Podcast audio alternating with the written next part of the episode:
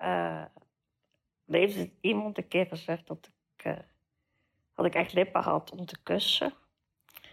En dat ik tot de dag van vandaag nog steeds spijt heb dat ik toen niet heb gezegd: probeer het maar.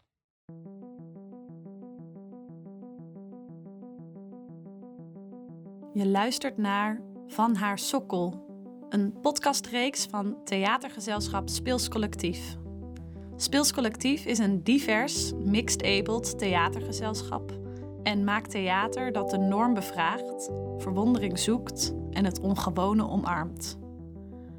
Ik ben Sanne Arbouw en in deze podcast stel ik je voor aan zeven vrouwen, waarmee ik in gesprek ging over hun seksualiteit en vrouwelijkheid. Bij mij thuis vroeger was seksualiteit iets waar open over gesproken werd. Mijn ouders tongzoenden waar ik bij was. We gingen naar naturistencampings en niks was taboe. Alles werd besproken, van masturbatie tot schimmelinfecties. Nog altijd verbaas ik me erover dat anderen een totaal ander beeld van dezelfde dingen kunnen hebben. Dat seks iets geheims is of het eigen lichaam iets vies. Daarom ga ik op basis van mijn eigen fascinatie en de verhalen van de zeven vrouwen die ik heb geïnterviewd op zoek naar een nieuw perspectief op seksualiteit en vrouwelijkheid. Hopelijk kom je dwalend tussen deze verhalen tot nieuwe inzichten of ideeën. Daar gaan we.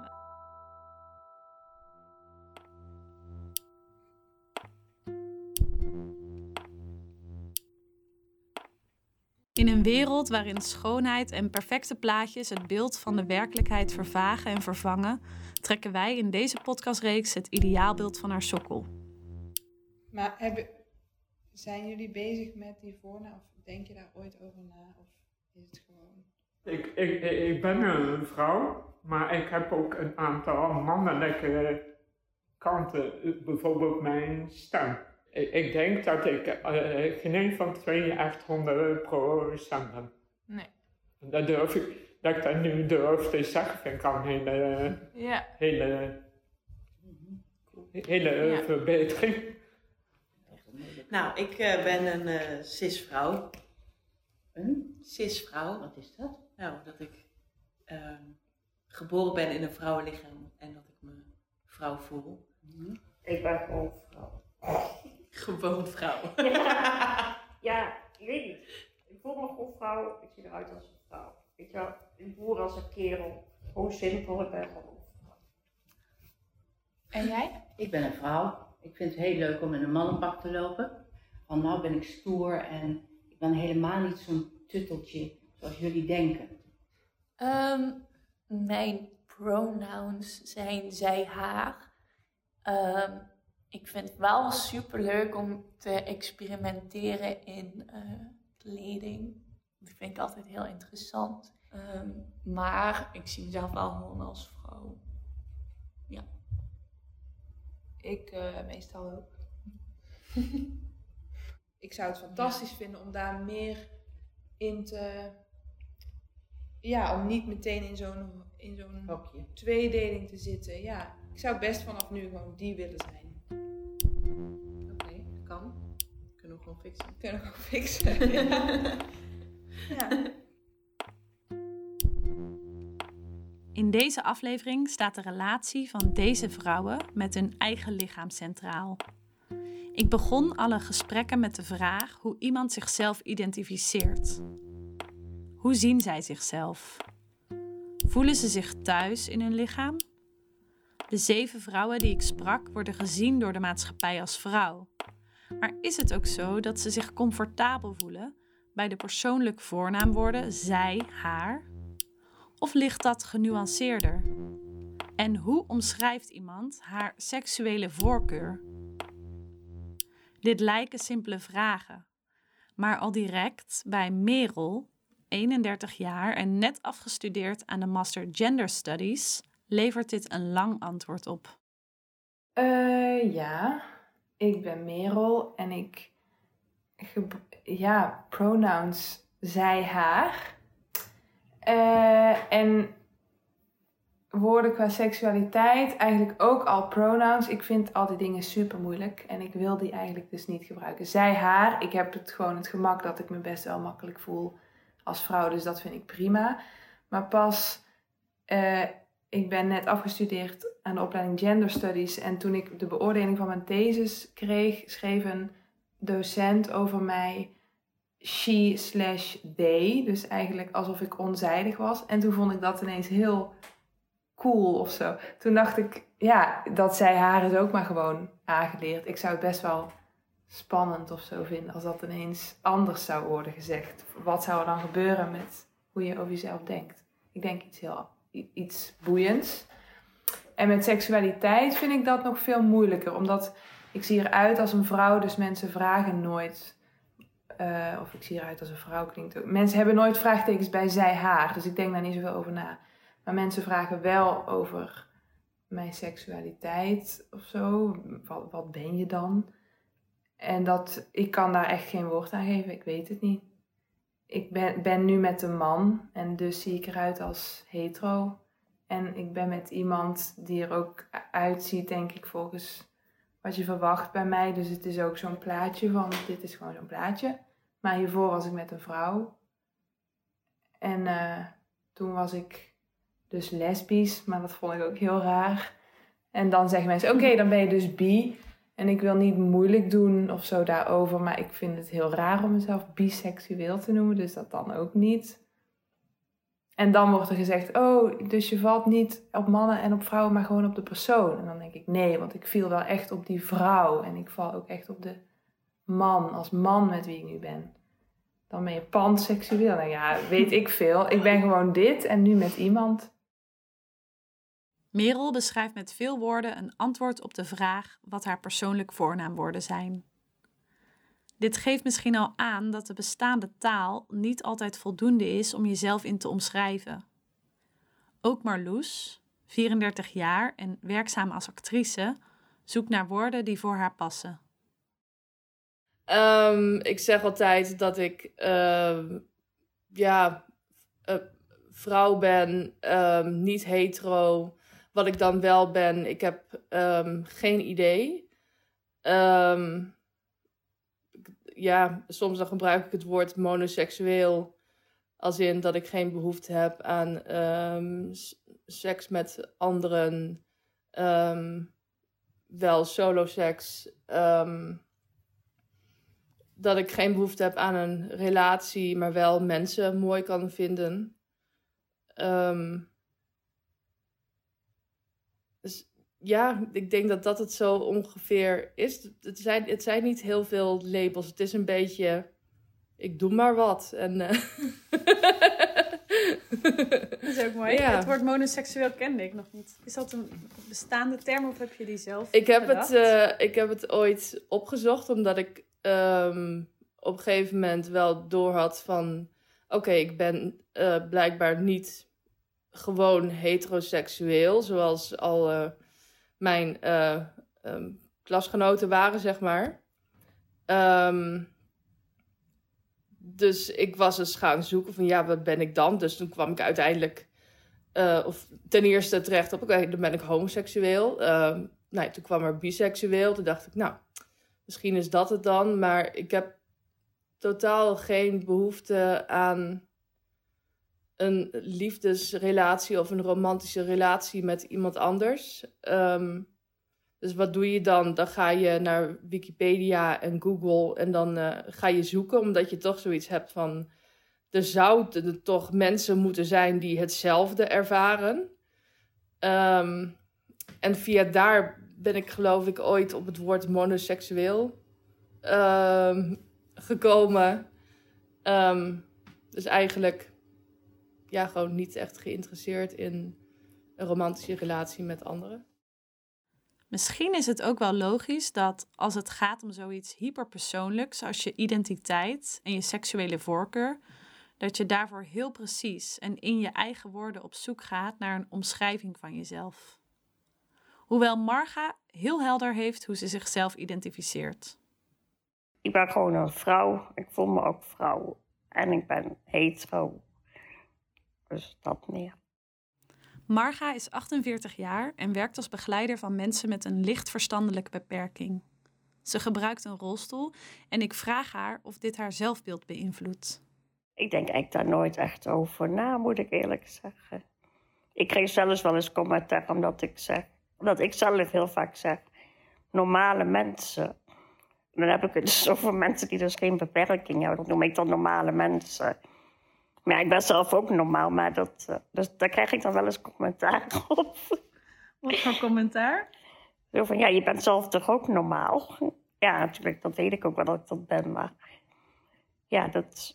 Nee, ik laat er nooit zo op van hoe dingen gaan. Ik doe er ook nooit zo ingewikkeld over Hmm. of zo. Marga vindt zichzelf niet seksueel aantrekkelijk, vertelt ze. Waarom niet? Ja, omdat het gewoon beetje uit proporties is. Het staat scheef. eh, twee ongelijke borsten. Ja, ik heb op die manier nooit echt ook naar mezelf gekeken. Zo van, eh, zo van oh, wat, wat... Ja, soms voel ik me wel eens sexy, maar ja, dat is ook niet echt heel vaak of zo. Ik heb één keer wel voor mijn vriend een, eh, met kerst een kerstpakje aangedaan. En, eh, maar dan niet dat hij dat dan zag, maar ik had er dan een foto van gemaakt. Dus echt zo'n kerstbejaardje en zo'n slipje. En dan eh, kerstballen op bed gelegd en zo. Dus, en die foto is wel ergens verstopt in mijn fotocollage. Maar op zich kan ik daar wel goed naar kijken. Maar het is niet zo van, oh, wat een sexy vrouw ligt daar of zo. Dat heb ik dan niet.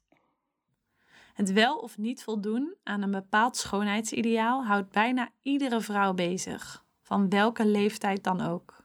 Zo ook Ella, 22 jaar en student dansdocent. Hoe voelt zij zich over haar lichaam? En met name als je zo vaak voor de spiegel staat in een dansstudio. Eh, ik heb daar wel heel moeilijk mee gehad vroeger. Ik was ook best wel een heel dun kind. Dus nou, dat vond ik ook al niet zo leuk. Ik vond mezelf veel te dun. Maar ik heb wel altijd gedanst. En eh, ja, daar word je dus... Ja, let je gewoon super hard op je lichaam.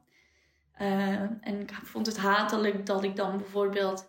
Een, ik heb een uitstekende knie. Dus mijn knie is niet helemaal... Ja, niet helemaal gestrekt. Dan zie je zo'n bobbeltje. Ik kon me zo aan frustreren dat het dus geen rechte lijn was, maar een bobbeltje aan mijn knie.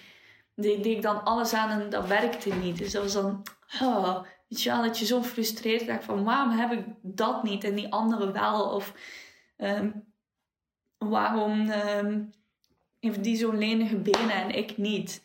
Dat soort dingen. En daar kon ik eh, onzeker van worden, maar daar heb ik ook wel mee leren werken. En dat is wel mooi, want in deze opleiding vertellen ze je dat ook je moet leren werken met je eigen lichaam.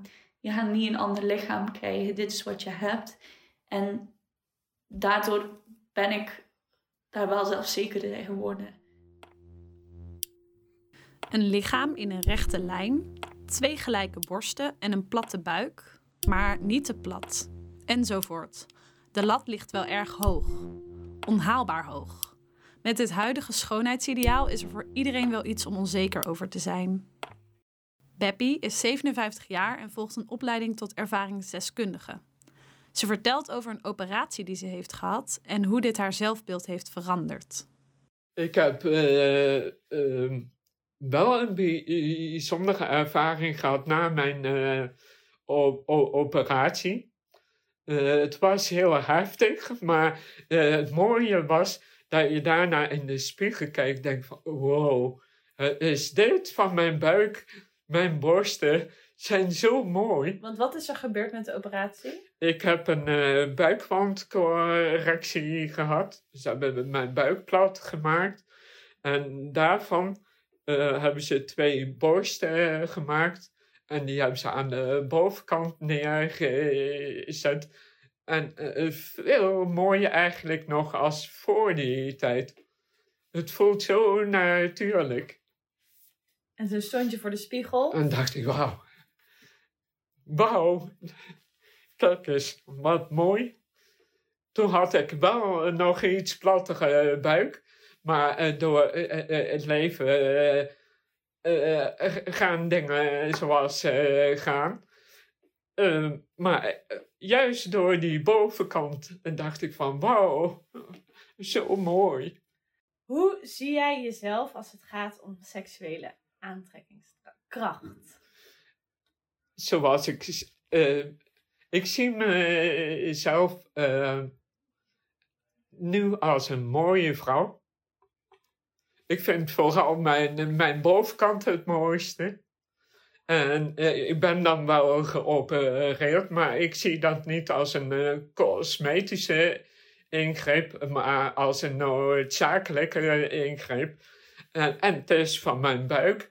En het is alleen maar mooier geworden. Ik sprak ook met Edith. Ze was van beroep balletdocenten en nu met pensioen. Met haar 71 jaar is zij de oudste van de vrouwen die ik interview. Ik ben benieuwd wat ze van haar eigen lichaam vindt. Ik vind zelf dat ik denk niet dat ik erg onaantrekkelijk ben. Maar ik, ik doe nooit extra dingen om uh, dat ik dan denk van, oh, als ik nou een heel kort rokje aantrek, dan ben ik seksueel aantrekkelijk. Of ik doe een heel laag truitje aan, dan ben ik seksueel. Dat heb ik nooit gedaan. Ik ben gewoon zo als ik ben altijd geweest, maar nooit aan gedacht van als ik nou een hele hoge hakken aandoe en van die netkousen of van die pakjes aan en zo, dat, dat uh, heb ik ook nooit gedaan. Merel, die we al eerder hoorden, vertelt over hoe haar zelfbeeld is veranderd toen ze een langere periode ziek is geweest. Toen ik die mijn eerste relatie had, na een jaar werd ik ziek en dat heeft drie jaar geduurd, dat ziek zijn. En we zijn in totaal ook een kleine drie jaar samen geweest, zeg maar. Dus het eerste jaar was gezond en het tweede twee jaar, de laatste twee jaar was ik ziek. En toen hebben we bijna geen seks meer gehad. Echt één keer per half jaar of zo, denk ik. Ik had gewoon nul energie. Ik kon me bijna niet bewegen. Ik voelde me natuurlijk ook totaal niet aantrekkelijk. Want ik, of nee, natuurlijk, ik lag gewoon en er was geen levensenergie. Ehm, dus nee, dat was daar bijna niet. Ik herinner me nu, ik niet, dat ik soms langs een spiegel liep en dat ik dan dacht: wow, daar loopt een mooie jonge vrouw. We hadden een best wel grote spiegel in de woonkamer en daar liep ik dan wel eens naakt langs. Gewoon in de avond als ik me aan het omkleden of zoiets. En ik voelde me echt zo'n hoopje niks. Terwijl ik toen het allermooiste was, denk ik, als ik nu terugkijk, was ik zo 23. Super slank, want ik at heel weinig. En dat was dan, het was precies zoals je er volgens de media en ik dus toen in ieder geval uit wilde zien of zo. Dus dat was een soort vervreemdend iets. Soms vind je jezelf mooi, soms vind je jezelf niet mooi en soms vind je jezelf achteraf pas mooi als je terugkijkt. Ons zelfbeeld verandert steeds door de ervaringen die we opdoen en het ideaal waarmee we onszelf vergelijken. Kan ik niet, denk ik. Maar geprobeerd. Ik heb dat geleerd voor de spiegel. Wat geeft dat eigenlijk? Ja. Ella, leg eens even uit. Doe eens voor, Ella. Nou, eigenlijk is het, heeft het niks te maken met je kont, maar met je heupen. Of met, nee, met je rug. Dus je, eigenlijk doet je onderrug, je onderrug doet, geeft de beweging, zeg maar. Ah, Niet je kont, want je... Ja. Snap je? Dus dat is eigenlijk twerking. Je onderrug doet de spieren en je kont trilt achteraan. Ja.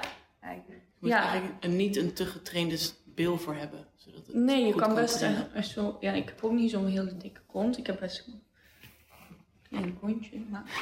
nee, ik denk echt dat iedereen kan twerken. Hm. Ik heb dat zelf geoefend met mijn mama nog. Mijn mama kan ook heel goed twerken. Cool.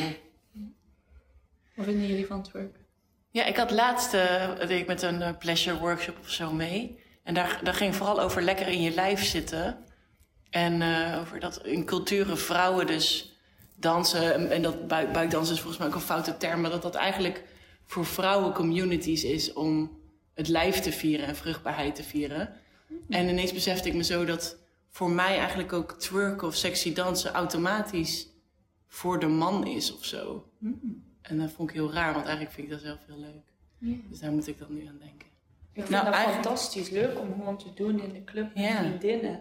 Om, om echt gewoon helemaal los te gaan met de kont. Vind ik ook echt niet leuk. Echt, eigenlijk vind ik dat helemaal niet leuk als er dan iemand achter me komt. Nee, Dus nee, het is wel mijn stage precies. Ja. Jij, Edith, wat vind jij van twerken? Ja, ik vind, eh, ik heb er geen moeite mee. En ik vind het ook leuk om eh, sexy te dansen en eh, dat soort dingen. Maar dat doe ik ook echt niet voor een man. Dat doe ik echt gewoon omdat ik dat zelf gewoon lekker vind. Ja. En uh, ja. ja. Ik denk dat ik dat stiekem wel doe voor een man. Oh, eigenlijk. Hoe zelfbeeld en seksualiteit samenhangen komt ook naar voren in het gesprek met Lisette. Lisette is 30 jaar en werkt als escort. Ik ben benieuwd of haar werk effect heeft op haar zelfbeeld en haar beleving van seksualiteit. Mm. ja, nou, het is mijn werk. Dus, um, nou, dat, dat, is niet dus. Het is niet automatisch dat het daarom per se een groot onderdeel is. Maar bij mij is dat wel zo. Want ik vind het ook interessant om te onderzoeken um, wat seksualiteit precies betekent. Uh, maar ook in de maatschappij en seksuele vorming. Dat vind ik allemaal interessant. Dus ik ben er best wel veel mee bezig in hoe ik ook de wereld bekijk. En um, hoe zie je dan jezelf, jouw lichaam, als het gaat om seksuele aantrekkingskracht? Um, als een van de middelen om genot te ervaren. Krijg je echt one-liners? Oh ja, sorry. Ik nee, moet, moet goed. Ik, uh, langer daarop ingaan? Nee, misschien dat is het gewoon in één zin. Te, ja? Ja, nou, ik, ik bedoel... Um, om zeg maar de, om, om te verleiden, maar ook vanuit mezelf om daar... Om, ik kan het doen via de ander, maar ik kan ook vanuit mezelf het genot ervaren en daar mijn lichaam voor inzetten en bewust in mijn lichaam gaan zijn. En de focus heel erg daarop leggen, zodat ik het duizend keer lekkerder kan ervaren dan wanneer ik in mijn hoofd zit, bijvoorbeeld. Nou, ik denk dat mijn lichaam mijn seksualiteit sowieso gevormd heeft. Omdat ik een vrouw ben en opgegroeid ben als meisje. Dus daarin de vormen die ik zie, heb gezien bij vrouwen in films of om me heen. Um, dat dat mij ook verteld heeft wat er voor mij als rol in de seksualiteit is voor vrouw. Wat vooral dus pleasend was naar de man, vanuit de seksualiteit van de man. Maar ook dat ik wat voller ben. Um, wat er zeker in mijn puberteit voor gezorgd heeft dat ik niet automatisch dacht van oh, dan ben ik seksueel aantrekkelijk. Want het ideaalbeeld lag bij, in ieder geval mijn beleving, hele slanke vrouwen met stijl haar en uh, ja, allerlei dingen waar ik me niet mee identificeerde. Over hoe het zelfbeeld haar seksualiteit beïnvloedt, spreek ik ook met Marloes, de 34-jarige actrice die al eerder hoorde over monoseksualiteit. Ik denk dat mijn, um, uh, mijn obesitas, mijn, mijn grote lichaam, um, eraan bijdraagt dat ik uh, voor de meeste uh, mensen niet seksueel aantrekkelijk ben. Nee, ik denk, ik denk dat het er gewoon aan bijdraagt dat mensen me niet aantrekkelijk vinden. En dat voelt wel veilig. Het voelt fijn. um, ik moet er ook niet aan denken dat ik heel slank en mooi zou zijn en dat er allerlei mannen allerlei opmerkingen naar me zouden gaan maken. Dat, dat lijkt me echt verschrikkelijk. Ook Marloes ervaart dus hoe haar lichaam haar seksualiteit beïnvloedt. Of tenminste, hoe anderen haar zien. Waar voor sommigen het heersende schoonheidsideaal de norm bepaalt, onttrekken anderen zich hier liever aan. Het ideaalbeeld van schoonheid en seksualiteit wordt hopelijk door deze verschillende perspectieven al een klein beetje van haar sokkel getrokken. Ik geloof dat we door verschillende perspectieven naast elkaar te leggen de sokkel verder omver kunnen trappen. Of dat iedereen haar, diens of zijn eigen sokkel krijgt. Of zoiets. Wel een die rolstoel toegankelijk is. Met een ramp. Of een tillift. Of allebei. Ook goed. Zoenen. Zoenen? Zoenen. Oh jee. Tongzoenen. Ja, ja. Dat was bij mij echt zo artificieel als het maar zijn. Want toen was ik ook al, al 18 of 19. Ja, Edith, je kijkt me steeds aan alsof ik heel raar ben. Maar Nou zeg. 18. Vind je dat niet Dat vind ik heel oud? oud. Ja, nou, ja. Jij? Ik was 28 toen ik voor het eerst Wat? penetratieseks had. Oh, dat is ook oud. Een Ik nuanceerde een reactie. nog onzeker. Ik dacht dat ik een laagloeier was, maar jij bent echt helemaal Oh. Nou, Maar hoezo was het artificieel? Had je het afgesproken? Het was, nee, dat niet, maar het was echt zo, het moet, het moet, ja, het is ook, ook bij heel veel mensen denk ik, maar het moet maar eens. En er was een Sinterklaasavond dat met al, heel, een hele groep vriendinnen van de middelbare school en de basisschool. En, en toen gingen we naar de kroeg en toen dacht ik van ja, het moet maar. Iemand boog zo naar mij toe en ik meteen weg met mijn hoofd. En toen dacht ik ja, toch maar wel, dus weer terug. En toen begonnen al die vriendinnen enorm te gillen. Toen je begon te zoenen? Ja. Dat gaat toch spontaan? Oh ja, natuurlijk. Nee, Nee. bij mij was dat hartstikke afgesproken ook. Ik had hem met mijn beste vriend zelf. Ik vond hem helemaal niet knap. En echt super lelijk zelf. Op een bankje in het Middenwaterpark in Brugge. en dan heb ik mijn bus gepakt naar huis. Wat bedoel je met dan afgesproken? Zo van dat gaan we niet doen, dan zijn we er maar vanaf. Ja. Hij was er dan ook vanaf, of had hij het al wel gedaan? Eh, nee, ook allebei eerst. Vond je het vies? Vond je het lekker? Ja, ik vond het echt super. Nee, want ik vond hem, hem ook heel vies. En ik weet nog dat ik zelf zijn baardje zo voelde prikken. Eh. En tegelijkertijd echt dacht... Maar zoenen doe je dan de eerste keren volgens mij ook. Ik merk dat mijn werk ook wel. Dat is vaak gewoon echt volledig.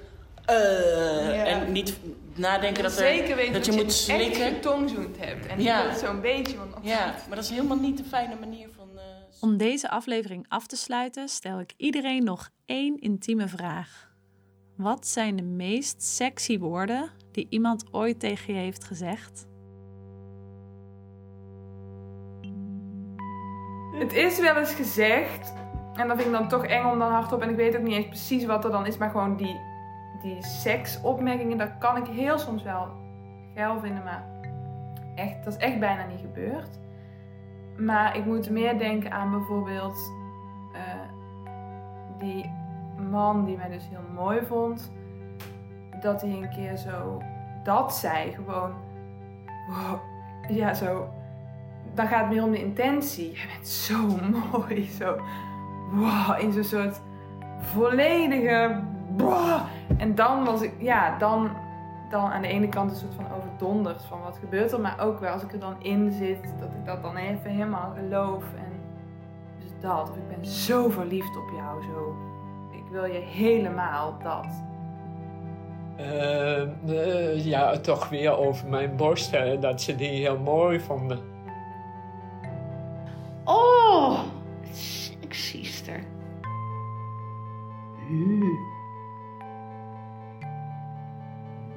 Ja, je hebt een lekkere kont natuurlijk. Of je hebt, eh, ja, je hebt lekkere tieten. Dat zei Henk ook, altijd. en eh, je hebt een goede kont, E. Zei hij ook altijd. Je hebt een lekkere kont. En eh, ja, je hebt lekkere tieten. Dat, dat is wel seksies, toch? Volgens mij vind ik dat toch wel gewoon. eh, je bent nu helemaal van mij. ja, vind ik sexy. Eh, er heeft iemand een keer gezegd dat eh, dat ik echt lippen had om te kussen. En dat ik tot de dag van vandaag nog steeds spijt heb dat ik toen niet heb gezegd, probeer het maar. dat ik eh, hele kusbare lippen heb. Eh, of dat iemand het, wel zou kunnen voorstellen dat, ehm, dat hij met mij zou. ehm, met mijn lippen goed zou kunnen kussen. Ja, ik ga nu één ding zeggen, maar wat ik heel sexy vind is eh, in de ochtend als iemand soort van rond tegen je zegt van ik heb, ik heb zin in jou. En dan zo met zo'n ochtendstem, weet je wel. Ah, ik heb zin in jou.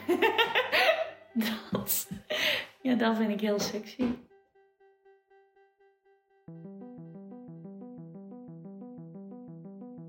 Dit was de eerste aflevering van Van haar sokkel, de podcastreeks van Speels Collectief. In de volgende aflevering hebben we het over hoe we het maatschappelijke perspectief op seksualiteit ervaren en staat sexual ableism centraal. Hopelijk luister je dan weer. Bij elke voorstelling maakt Speelscollectief een podcastreeks. Deze podcastreeks hoort bij de voorstelling Usually I'm on Top, die ik maak samen met choreograaf Ulrike Dosman en de vrouwen die je zojuist hoorde. Het wordt een voorstelling over seksualiteit en vrouwelijkheid en gaat 9 maart in première. Als je meer wilt weten over ons en onze komende voorstellingen, kijk dan op www.speelscollectief.nl. Abonneer je vooral om niks te missen en ben je fan, laat dan zeker een recensie achter. Dan kunnen anderen de podcast ook weer beter vinden. Veel dank aan alle vrouwen voor hun openheid om hun verhaal in audio om te zetten. Ella de Koning, Marloes Dingshoff, Edith Heij, Beppie Jansen, Marga Kamperman, Merel van Lieshout en Lisette Mepse. De redactie werd gedaan door Bram Walter en Sanne Arbouw. De montage en mixage werd verzorgd door Koen Rijnen. De artistieke leiding door Merel van Lieshout en Sanne Arbouw. Bedankt Ulrike Dosman, Dana van den Heuvel en William van der Voort voor jullie bijdragen en advies.